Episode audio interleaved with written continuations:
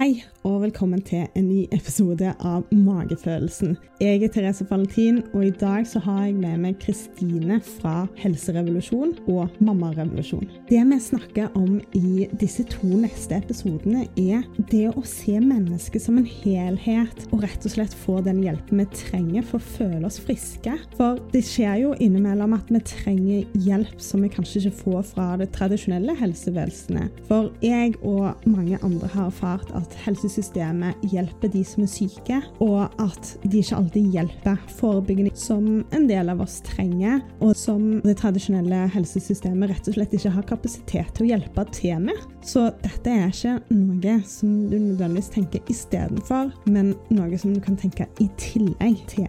Så hva er det folk som Kristine hjelper til med? Det er rett og slett hvordan vi kan leve et liv som sørger for at vi ikke blir syke. Hva type roteårsaker som faktisk bidrar til sykdom. Jeg er blant de som brukte et sånt tilbud og faktisk ble frisk. Fordi at jeg følte meg ikke frisk, men fikk beskjed av legen om at jeg var det. Og jeg følte ikke at livskvaliteten min var på topp. Så det jeg har lært, og det Kristine forteller mye om, er rett og slett hvordan vi kan stille de rette spørsmålene, sånn at vi kan sørge for at vi får god livskvalitet, og at vi forstår hvordan det vi dytter i og på kroppen vår, faktisk påvirker oss, og de livsvalgene vi tar, hvordan de påvirker oss, og at vi faktisk kan velge annerledes og få det bedre. I den første delen så forteller Kristine om hva helhetlig helse er, og om prevensjon og hvordan hormoner påvirker psyken, og at dette er kanskje noe kvinner kan ha godt av å forstå litt mer av. Mens i den andre delen så snakker vi om medikamentbruk og alternativer til medikamenter, og hvordan vi kan leve på en måte sånn at vi potensielt unngår å måtte gå på medisiner. For livsstilssykdommer er jo faktisk forårsaka av livsstilen, og det betyr at hvis vi lever på rett måte, så kan vi unngå å få de i utgangspunktet, og det syns iallfall jeg er supertopp. Utrolig hyggelig å være her i dag. Det er faktisk min første innspilling siden november. Og så er det veldig deilig å kunne gjennomføre intervjuet sånn face to face under korona. Jeg hadde jo lyst til å fortelle litt hvem du er. Ja! Helt tvers, på tvers over bordet her. Hei der borte. Jeg heter Kristine Oddvin Andersen. Nokså gjennomsnittlig. Passe lat. passe iherdig, passe smart. En kreativ person som ønsker da å bidra litt og gjøre noe godt her i verden. Så jeg er utdanna kommunikatør fra NTNU i Trondheim og grafisk designer fra NKF i Stavanger. Jeg egentlig hatt masse forskjellige jobber. Begynt med å jobbe med barn med litt språkproblemer i barnehage, faktisk. Så har jeg jobba i byrå. Jobba i et par markedsavdelinger, og så sa jeg opp jobben min etter barselpermisjon i 2016. Mm. Da mm. fant jeg ut at det var på tide å gå sin egen vei, rett og slett. Så da jobba jeg litt hos Siri Aabel eh, og Green Doctors en stund. For det var liksom, da, da hadde jeg liksom hatt min egen helsereise, da, som jeg sikkert mm. skal dele litt om. Um, så da fant jeg ut at det her var det jeg ville mm. drive med på fulltid. Bruke den erfaringa og den kunnskapen og innsikten jeg hadde opparbeida meg, og kanskje også hjelpe andre, for jeg så jo etter hvert at det var jo andre med tilsvarende helseproblemer. Veldig mange kvinner som sliter med mye av det som jeg sleit med. Mm. Mm. Og det er vel, for du spurte også da om hva jeg er mest stolt over å utrette. det er vel jeg er mest stolt over å utrette. Mm. Det å ha hoppa av hamsterhjulet, som de sier, da. Eh, og gått min egen vei. Si opp en fast jobb. Det satt langt inn. Men det, det var faktisk Siri som, eh, pusha meg til det en dag på hennes legekontor. At hun bare 'Du vet hva som er riktig å gjøre', sa og, da, og da visste jeg det. Ja. Mm. Tok du da en utdannelse, eller hvordan ja. var din vei da? Jeg tok utdannelse som kostholdsveileder ved Tunsberg medisinske skole. Mm. Mm, så ja, det er det jeg liksom har tatt og bygd på etterpå. Ellers er det egen interesse og egen studie det har gått i, for det mm. meste. Mm. Ja, det er veldig rart. Jeg har jo erfart litt det samme. Altså litt mye med magen siden jeg var veldig ung. Mm. Og jeg har jo ikke en utdannelse innen det, men jeg tror jeg har lest omtrent like mye om eh, tannproblemer og mageproblemer som potensielt en del leger har, og sikkert mye mer enn de fleste leger. Mm. Fordi at jeg har hatt en egen interesse av å finne løsninger, og jeg har gravd og jeg har prøvd og mye forskjellig. Så jeg har jo veldig troen på den type kompetanse. Mm. Men dessverre så er det jo ikke alle som kanskje aksepterer det som en utdannelse, holdt jeg på å si. Nei, nei, det er jo ikke det. Og det var jo, sånn, helt ærlig, så var det også det litt av grunnen da, til at jeg i hvert fall tok minimum, da. Eh, Mm. Kostholdsleder er liksom ett år. Ja, så det er en utdannelse men, og en tittel, men jeg gjorde det jo for å få et papir på det jeg allerede kunne. Rett og slett for å ha litt mer å slå i bordet med, for Mm. å kunne nå frem til folk. Eh, og så er det jo forskjellig. Noen klarer på en måte å se forbi det, at man Mm. kanskje ikke har den lengste utdannelsen på det.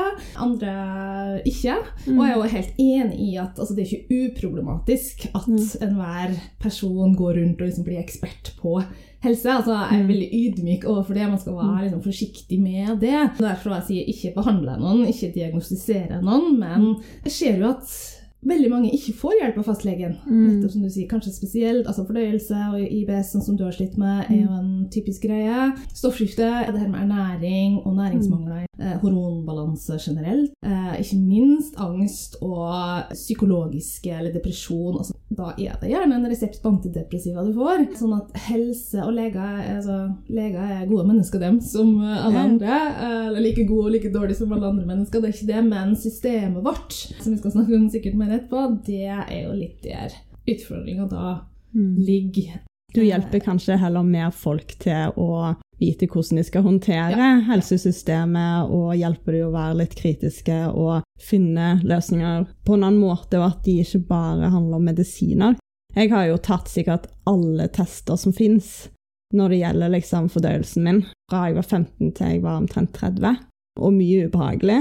En av mine flaueste situasjoner var når jeg skulle ta en prøve i tarmen, når de blåste opp tarmen min og satte ballong. Og han som skulle sette den ballongen, var en medisinstudent som var like gammel som meg, og ganske kjekk. Ja, kanskje det var han som gjorde det til meg.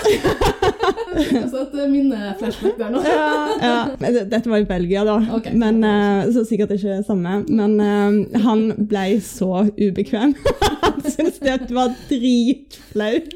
Og det hjalp jo ikke situasjonen for min del. Bare, det er faktisk jeg som ligger her med rumpa bar, og du blåser opp tarmen min. Ja, ja. Snert med den lille trøya du får som er sånn åpen bak. Den, er, den er fin. Det er så fantastisk. ja.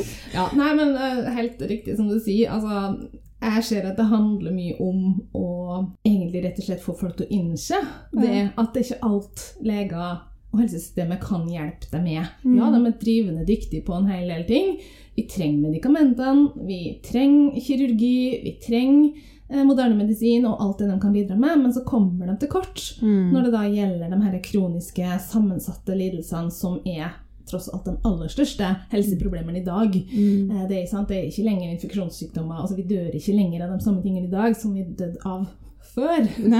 Sånn at det å skulle bli frisk og nøste opp i de her tingene som vi sliter med i dag, det krever mer altså Det, det fins ikke en pille for det. Sant? Sånn at det handler om å reversere, det handler om å nøste opp, det handler om å grave etter rotårsaker.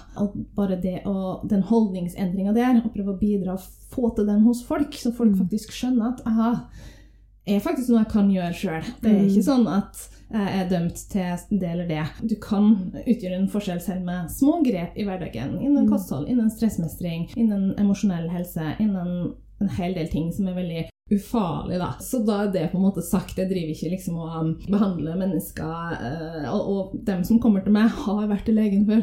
Ja. Og har de ikke vært det, så sender jeg dem til legen først. Mm. Helt klart, Sånn at man får sjekka, tatt uh, testa, utelukka eventuelt alvorlige ting. Alt det her som de er gode på. Men de som kommer til meg, har vært til legen. De har vært til legen en gang, to gang, tre gang, ti gang. Kanskje til, gjerne til flere forskjellige leger, kanskje også til spesialister. Men likevel så er det ingen som finner noe gærent. Eh, Mm. man får beskjed om at prøvene er normale, og så føler man seg likevel ganske ille. og da pleier jeg å si at da skal du, det er det du skal høre på, og ikke Mm. gå rundt og miste livskvaliteten din år etter år etter år.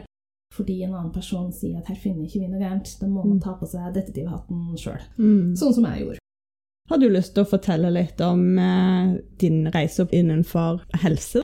Vendepunktet ble at jeg opplevde en såkalt mist abortion i 2012. Da var jeg gravid for første gang, og etter ti uker så begynte jeg å blø. Og så viste det seg at her hadde vært dødt i noen uker allerede. Hva gjør man da? Nei, altså Man starter ikke noen utredning på det før, man, før det har skjedd i hvert fall tre eller kanskje fire ganger. Så det, det her var ikke noe gøy opplevelse, så det her eh, kanskje jeg skal ta og bestille meg en time til en helhetstenkende lege for å se, for sikkerhets skyld, om det kan være et eller annet. For jeg var jo ikke syk, eller anså ikke meg sjøl som syk, men jeg hadde jo slitt med en hel del ting i mange år. Noen ting hele livet, sånn som pollenallergi. Jeg hadde slitt en god stund med fordøyelse, med oppblåsthet, med refluks. Jeg hadde slitt med syke lettere angst, vil jeg kalle det. Jeg hadde slitt med sterke humørsvingninger. Jeg hadde slitt med kraftige menssmerter. Og spiste liksom en pakke Ibux hver måned for å helt tatt komme gjennom. Så mange sånne ting. Men her, alt det her typiske ting som veldig mange kvinner tror jeg trekker på skuldrene av og tenker at sånn er det å være kvinne. Eller Mm. det her er bare vanlig. Veldig mange andre har det også. Det er normalt. Men det er det jo da ikke, si. Det er, kanskje, det er kanskje normalt, men det, det er ikke dermed sagt at det, Det burde være sånn. Ja, det er, det er vanlig, vanlig. men ikke normalt. Ja. Ja. Sant? Ikke normalt, ikke naturlig. Det skal ikke, det skal ikke gjøre vondt å være kvinne, som hun sier, hun Siri Kalla. Mm. Mm. Så da gikk jeg til Siri Aabel i Green Doctors, for jeg hadde hørt mye bra om henne. Og hun tok jo en hel del tester. Hun jobber jo privat og jobber veldig helhetlig. Kan man kanskje kalle det funksjonell medisinsk. Altså Hun ser det, hun ser hele mennesket. Hun stiller spørsmål, hun tar seg god tid. Hun um, bruker ganske mye symptomspørreskjema. Ikke bare liksom blodprøver, men også en del eh, spørreskjema for å svare på ting og tang omkring hvordan du har det, hvordan du har hatt det. Så en veldig grundig diagnostisering, da, kan man si. Og ulike tester. Blodprøver, hårmineralanalyse, ja, litt forskjellig. Og hun fant jo veldig mye eh, rart. Veldig mye, veldig mye eh, som jo gjorde det ganske plutselig forståelig at kroppen her ikke eh, var noe sånn egnet til å bære frem nytt liv, i alle fall. Eh, Det var da nedsatt stoffskifte. Eh, Hun fant tarmdysbiose, candida overvekst. Det er også noe jeg hadde slitt med mange ganger. Candida-infeksjoner, soppinfeksjoner. Altså. Så tatt alle tubene kanestene hadde brukt, liksom, og fylt dem Da ble det ganske stor skål, tror jeg. Ganske stort glass. Så det er jeg slitt med, men det er også noe som jeg bare ikke tenkte så veldig mye på. Sant matintoleranser, intoleranse, mangel på en god del næringsstoffer, masse sånn ubalanse. Progestronmangel, altså hormonubalanse. Så her var det noe å ta tak i, så jeg ble jo sykemeldt da etter hvert. Og da starta på en måte egentlig den helsereisen, som jeg kaller det, som høres ut som kanskje noe som går til et eller annet eh, østeuropeisk land, men eh, det er ikke, ikke det det er snakk om, men bare en, en egen reise, en prosess for å prøve å gjenfinne balanse i kroppen. da. Så summa summarum så holdt jeg på i to år, eh, og det, jeg brukte så lang tid før jeg helt tatt valgte å prøve å bli gravid igjen, fordi jeg orka jeg ville gjøre det skikkelig nå når jeg først hadde begynt. da. Mm. Så jeg tok ikke sjansen på at det samme skulle skje igjen. Og ble gravid da på Så ja, det var vel første forsøk ganske nøyaktig to år etterpå. Og det var liksom på en måte overordna målet mitt, da, å bli mamma. Og få kroppen såpass i balanse til at jeg kunne få til det. Men eh, som bonuser da, så ble jeg også kvitt pollenallergien min. Plutselig Ja. liksom sommeren, eller våren 2013 så hadde jeg ikke symptomer på det mer. Refluksen var bort, oppblåstheten var bort, humøret var mye mer stabilt. Menssmertene, juhu, var bort!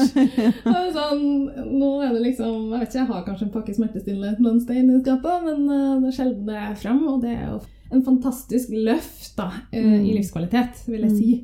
Så mange, mange bonuser der som bare beviser at du får gjerne en dominoeffekt når du på en måte prøver å korrigere underliggende rotårsaker, så eh, er det gjerne mange symptomer som forsvinner på veien, fordi at vel, jeg tror veldig mange av de her symptomene som vi plages med, har de samme rotårsakene. Mm. Det er veldig spennende. Jeg har jo egentlig gått gjennom en litt sånn lignende reise.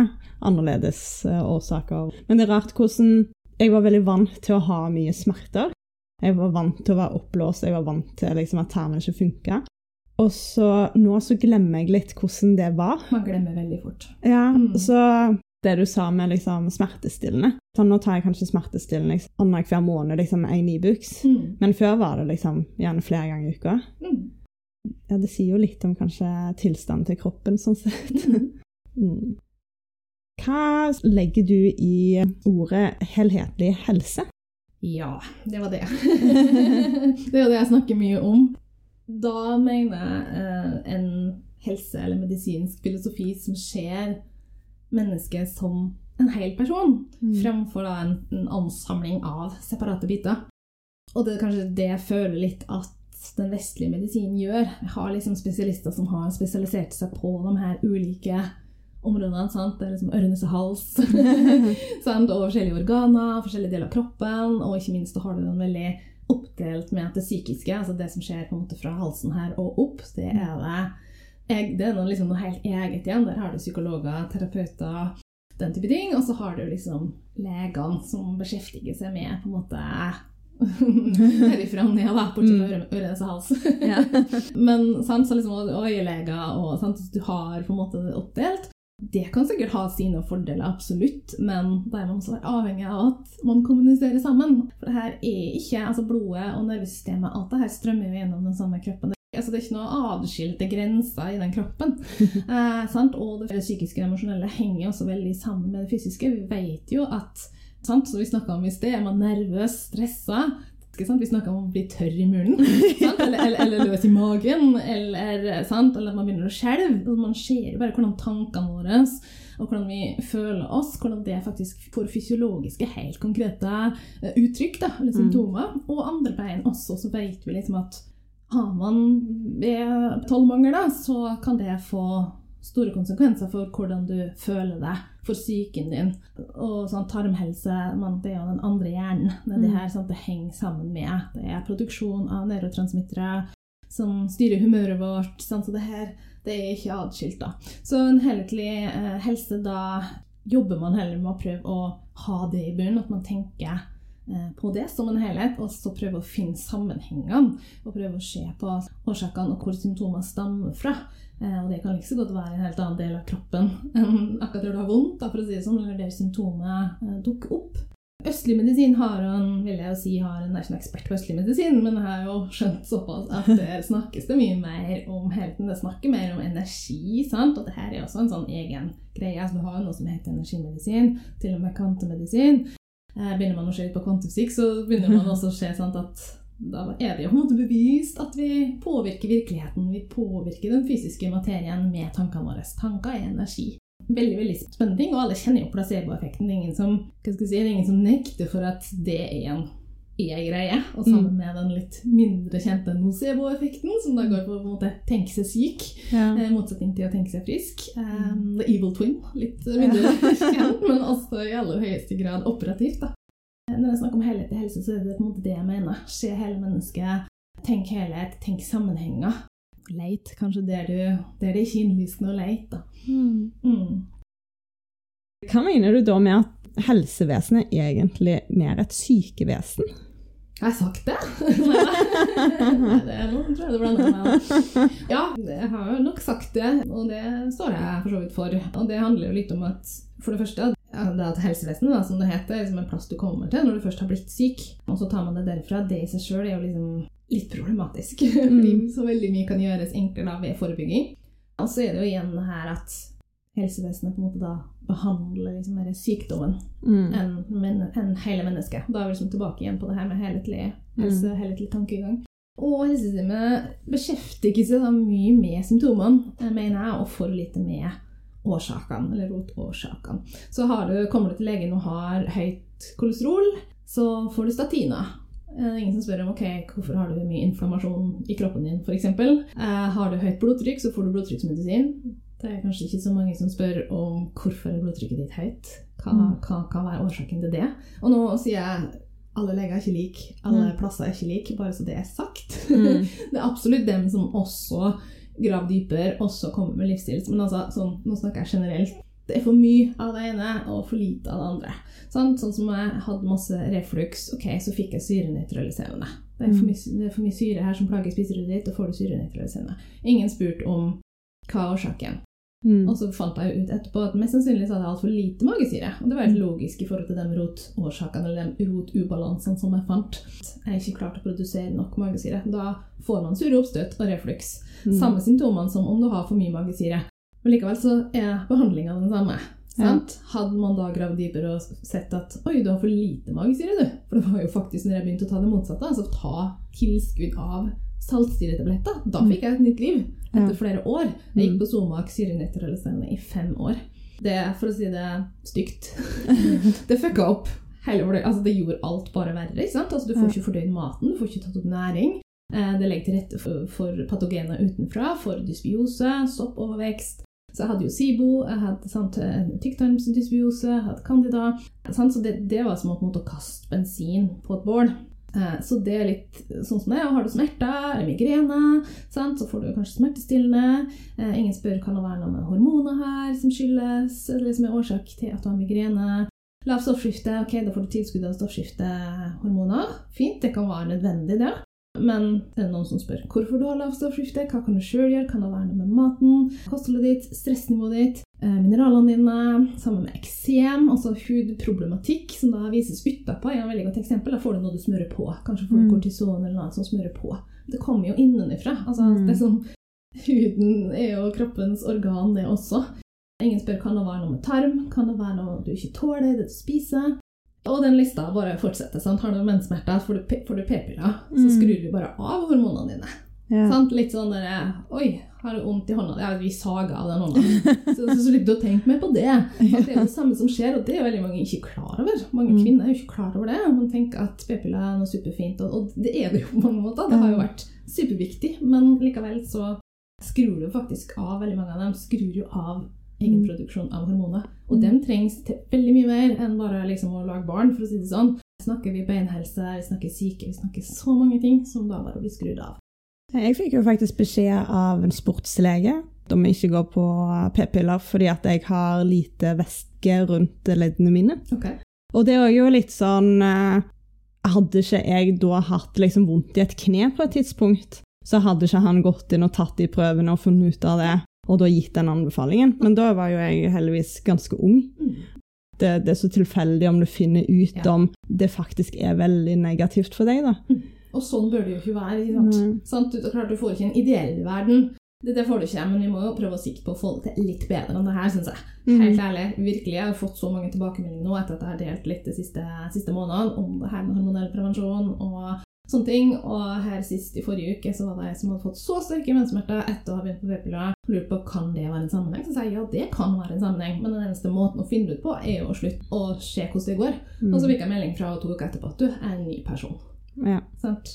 Takk. Vær så god. Det skulle ikke vært behov for, for at jeg sa det, men, men ja. Mm. Men jeg husker jo det har blitt mye bedre, men jeg fikk satt inn en spiral når jeg var rundt 21. Da bodde jeg i Tyskland. Og i Tyskland så satte de inn, men i Norge så var det ingen som hadde lyst til å gjøre det på meg. Nå er jo det noen år siden, men eh, det var en skikkelig kamp. Hvor alle egentlig fortalte meg at jeg måtte gå på p-piller, og det var den eneste løsningen. Fordi at jeg hadde ikke fått barn.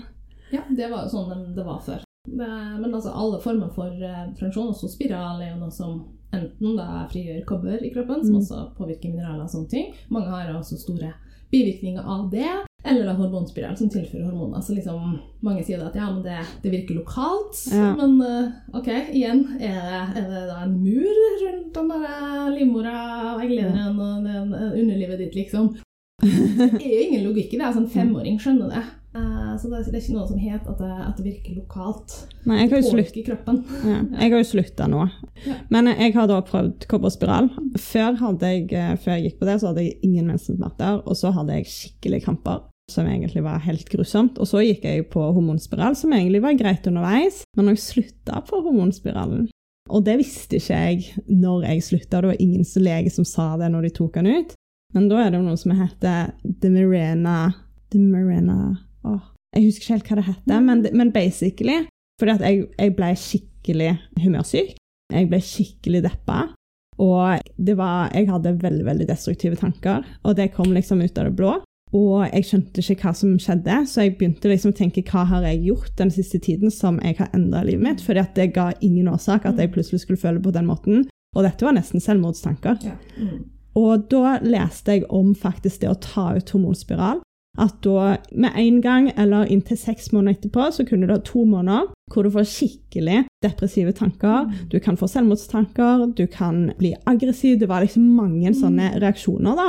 Og jeg bare sånn Shit! Hvis jeg ikke hadde visst om det, hvis jeg ikke hadde googla meg til det, da, så hadde jeg ikke visst at dette her var forårsaka det. Så nå må jeg på en måte bare fortelle folk rundt meg at nå trenger jeg på en måte at dere tar litt ekstra vare på meg, fordi at jeg har det helt forferdelig.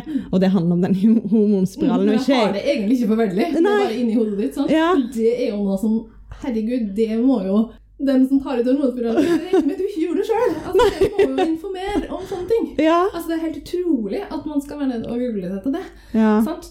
Altså, spare liv, liksom. Det, det er jo ikke bare problematisk heller, sant? å bare slutte, eller bare begynne, eller liksom sant? Det her, det er det skipler ting. Det skipper Ja, ja. skipler hele systemet, og det kan ta tid for kroppen kommer liksom tilbake i balanse. Så det er Ja, spesielt siden de sa at den kun var lokalt. Ja. Og da var jeg litt sånn Men hvordan kan den bare jobbe lokalt når den har sånn sjokkeffekt på systemet når du tar den ut? Ja. Det er det hun Jenny Kos sier, hun svenske. Hun sier jo det at Er du deprimert i livmora, da, eller? liksom, er det livmora som blir deprimert? Hvis man snakker om depresjon. Altså, sant? Det, det liksom makes no sense. Nei. Nei, det gjør ikke det. Mm. Ja, jeg syns det er innmari bra at det har blitt mer kunnskap om det, og informasjon som deles. Jeg bare håper at det når fram til folk som er unge. For jeg var litt sånn at jeg gikk på p-piller fordi at det var praktisk. Jeg gikk på mine piller, så da slapp jeg av mensen, liksom. Mm. Det er sånn man tenker, og alle andre gjør det jo. For det var jo, jeg var jo faktisk skeptisk det første året. eh, Mm. Hvor det liksom ble aktuelt å vurdere prevensjon. Så sånn, nei, p-piller og skru av eggløsning, for det hadde jeg faktisk fått med meg at, at skjer, det hørtes ikke helt bra ut. Det var liksom min Mm. naturlige intu intuisjon fortalte meg det. Men etter et år var det litt sånn «Åh, Kan det være så farlig? Alle Mm. venninnene mine liksom hadde begynt på det. Og det var sånn, alle, alle gikk jo på det. Mm. Det kan jo ikke være så farlig da. Ja. Mm. Og så er det jo noe med jeg tror den norske kulturen. Jeg har ikke opplevd at like mange går på p-piller i utlandet. Men i Norge så er det jo litt den kulturen at gutter ikke har så veldig lyst til å bruke kondom. Mm. Og Ja. det tror jeg jo er årsaken til at det er mange som går på p-piller òg. Mm. Men du burde jo egentlig bruke kondom i Mm. veldig mange tilfeller. Ja, absolutt. Selv om du går på p-piller. Ja, det handler jo ikke bare om å ikke bli gravid. sant? Nei. Så jeg tror jo egentlig at vi må hente det litt tilbake og kanskje ansvarliggjøre mannfolk og, og få de til å ta på den derne gummi... Det er en egen eh, Ja, det er en helt egen uh, oppgave i seg sjøl. Vær så god, meld seg frivillig den som lyst til å få til det. I andre delen av denne samtalen så skal vi snakke om dette. Hvorfor syns du liksom at det med- det medikamentbruket vi har i dag, er problematisk? Ja, Du nevner òg sånn aktivering og deaktivering av gener. Handler det om livsstilssykdommer, eller handler det om på en måte kroppens tilstand, eller hva hvordan kroppen funker, rett og slett. Jeg syns dette er kjempespennende, og det håper jeg at du òg gjør. Lytt veldig gjerne til noen av mine andre veldig inspirerende samtaler. Hvis du liker podkasten, så del den med andre som du tenker de kunne trengt litt inspirasjon. Lik podkasten, skriv kommentarer, følg meg på Instagram. Der heter jeg magefolsen.podkast med OE istedenfor Ø. Jeg håper jeg kan inspirere, og at jeg ga deg en litt bedre dag. Ha en fin dag.